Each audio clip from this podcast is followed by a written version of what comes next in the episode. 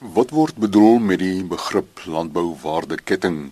Ons het twee kundiges na die ateljee genooi om duidelikheid te verkry. Dr Ilse Troutman is hoofdirekteur Navorsing en Tegnologie Ontwikkelingsdienste in die Wes-Kaapse Departement van Landbou. Prof Dani Brink is waarnemende dekaan van die fakulteit Agriwetenskappe aan die Universiteit van Stellenbosch en prof is ook eerste aan die woord. Die landbouwaardeketting handel oor die ekonomiese aktiwiteite wat verband hou met primêre produksie in landbou sowel as die sekondêre bedrywe wat dit ondersteun in kort van die hulpbronne af wat by ons grond, water en klimaatsfaktore is deur die produksiefase waar daar alreeds 'n geweldige groot klomp diverse dienste gelewer word aan die primêre produsent wat dan deel vorm van die waardeketting sowel as die naoesfase waar daar byvoorbeeld logistiek en infrastruktuur verpakking by betrokke is wat alreeds 'n versnelling teweegbring van die ekonomiese aktiwiteite wat voortbou op primêre produksie.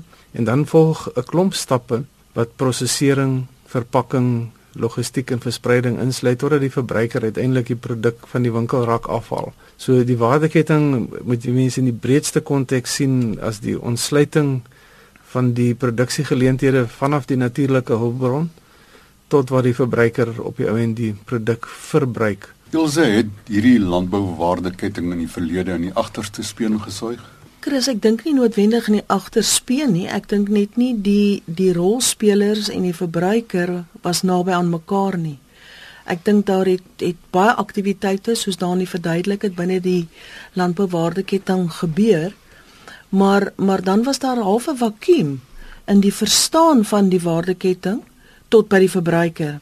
Die verbruiker is deesdae iemand wat baie meer betrokke raak by die waardeketting, wat wil weet hoe dinge gebeur op die plaas, hoe dit verpak word, hoe dit vervoer word en hoe dit uiteindelik op die rak land. En juis omdat ehm um, Suid-Afrika onder groot ekonomiese druk is en juis omdat ons baie meer geleenthede, werksgeleenthede en ekonomiese geleenthede wil skep, het die waardeketting eintlik na vore gekom as iets waarna intens gekyk moet word uit verskillende hoeke uit van opleiding tot verwerking tot verbruikerstudies om seker te maak dat ons werklik soos Dani gesê het optimaal um insit in ons waardeketting maar ook optimaal uitkry uit ons waardeketting. Chris is tog tot 'n mate reg deur dit is 'n bietjie van 'n agterspeen seig te beskryf. Ehm um, in die sin daarvan as jy gaan kyk histories, selfs die fakulteit agriwetenskappe by die Universiteit Stellenbosch. Ehm um, hoeveel van ons hulpbronne en fokus was op die primêre produksiefase geskoei om dit te optimaliseer en om dit te diversifiseer.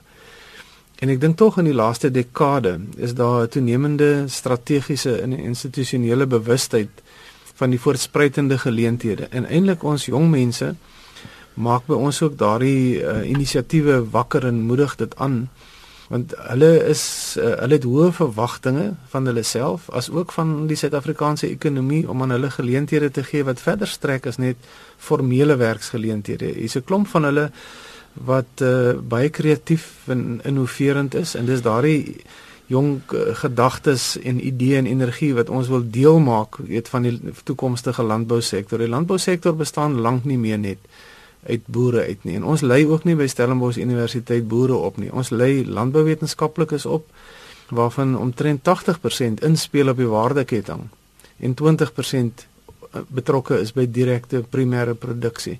So die fokus het, be, het beslis geskuif en ons sien ook uh, ons vennootskap met ons departement landbou Weskaap ehm um, het vir ons baie gehelp om daai bewustheid ook by die fakulteit te kweek soveel dat dit in ons kurrikulum begin weer speel want dit is duidelik dat die departement Weskaap met 'n baie meer gebalanseerde ontwikkelingsstrategie werk en implementeer as een wat net gerig is om ons primêre produksie optimaal en effektief te weet te hou.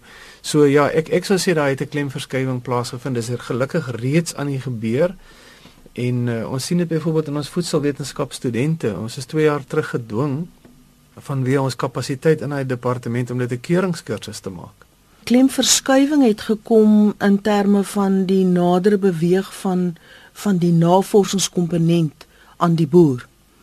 Um, in die verlede en in Dani sal waarskynlik met my saamstem, uh, 'n navorser is nie verlede gesien as iemand wat met 'n wit jas in 'n laboratorium werk en wat wat wat ehm um, tegnologie ontwikkel wat nie altyd so toepaslik is vir die boer en soveel waarde op die plaas toevoeg nie. Ehm um, ons navorsing deesdae is is baie baie naby aan die aan die aan die boer. En juis omdat die boer vir ons help om ons navorsingsprioriteite te bepaal. So byvoorbeeld baie van ons navorsingsprioriteite word deur tegniese komitees bepaal waar ons juis die die probleme wat op plaasvlak ge, ge, ondervind word dan terugbring en sê hoe fors ons dit na? Hoe kry ons nuwe oplossings? Plaasgerigte probleemgefokusde oplossings. Um een goeie voorbeeld daarvan is ons bewarings landbouprogram wat uitstekend doen. En en juis daardie boere wat wat saam met ons die pad geloop het, wat saam met ons die besluite geneem het watter navorsing gedoen moet word. Hulle is die boere wat wat onder baie intense droogte toestande um verlede jaar 'n oes kon realiseer veral in die Swartland. Ehm um, ek het gister syfers gekry van van ons eie oesopbrengs op langgewens navorsingsplaas, die hoogste ooit omdat ons bewaringsboerdery op ons eie plaas begin doen het en waar ons saam met boere werk en sê kom ons kyk wat doen ons op ons plaas, maar kom ons kyk wat ons op jou plaas kan doen so. Die navorsing het baie meer ehm um, boergerig geraak, baie meer ehm um, inset slim geraak en wins slim geraak. Ek Chris, ek wil graag ietsie bylas daar. Weet jy wat neem ek waar nie is uh, wat uh, Ilse beskryf as 'n nader beweeg, die vernouing van die gaping tussen die navorser en die produsent of die navorser en die bedryf, die industrie.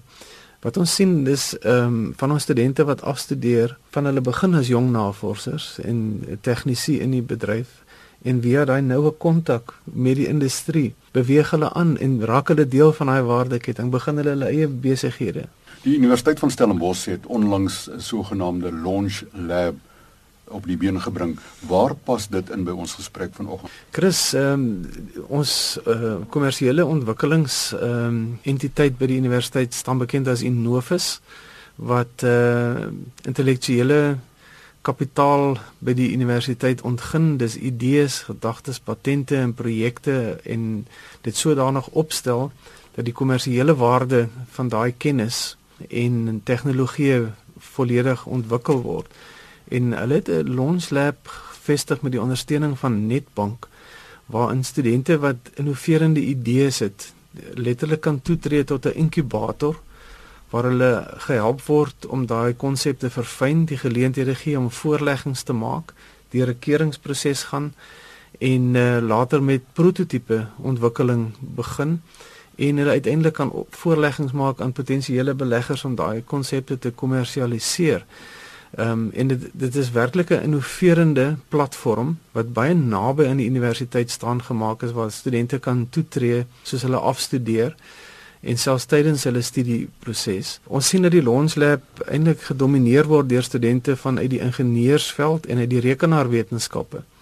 En ons wil graag uh, 'n projek afspeen van die Launch Lab konsep verplaas en sê ons wil 'n Launch Lab vestig wat op die voedsel uh, waardeketting gaan werk. En die studente uitdaag selfs die uit ingenieurswese en elektronika om in te speel op die landbouwaardeketting as 'n tema en om ook aan die studente bewus te maak van die tegnologiese en innovasiegeleenthede wat daar lê en dan 'n uh, 'n tweede been van die Launch Lab ontwikkel maar wat gaan fokus op die landbouwaardeketting en op die voedselindustrie wat daar uit voortspruit.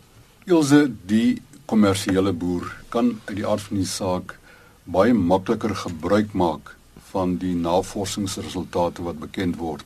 Maar hoe pas die opkomende die klein boer hierby in? Kan hy ook hiervan gebruik maak? Ek dink wat belangrik is dat ons voortpunt navorsing doen, maar daardie navorsing dan verpak in die regte pakkie vir die spesifieke boer. As dit 'n kommersiële boer is, dan word hy anders verpak, as dit 'n opkomende boer is, word hy anders verpak.